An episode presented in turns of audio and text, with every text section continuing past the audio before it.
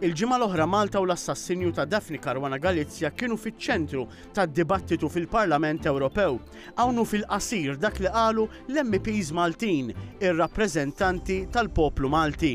L-MP Laburista Alfred Sant sostna li Malta qed iżżomm mal-wegħda li kienet għamlet illi tara li l-ġustizzja fuq l-assassinju tal-ġurnalista jsir u ma jħares lejn wiċċ ħadd. L-MEP tal-Partit Nazzjonalista, Roberta Metsola sostniet li hemm bżonn li tintemm l-impunità f'Malta, li jissaħħu s-sistemi, li tiddaħħal id-direttiva anti-SLAPP u qalet li dan kollu, inkluż id-dibattitu fil-Parlament Ewropew mhuwiex partiġġjaniżmu.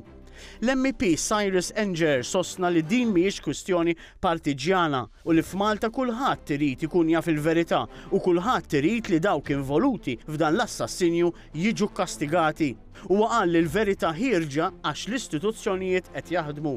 L-MEP David Casa qal li bħalissa f'Malta ta' kuljum qed ifaqqas skandlu politiku. u sostna li għalhekk Malta jeħtieġ tkun protetta mill-Gvern tagħha stess.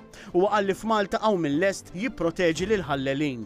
L-MEP tal-Partit Laburista Alex Agius Saliba saħaq li l-istituzzjonijiet qegħdin jaħdmu f'Malta u qed jittrattaw 'il kulħadd l-istess u l-ġustizzja fil-qrati qed issir. U finalment l-MEP Josiane Cutajar saħqet illi l-ġustizzja jeħtieġ issir b'mod seren u li d-dibattitu fil-Parlament Ewropew kien insensittiv u li minnu ma ħareġ ebda frott ħlief aktar firda.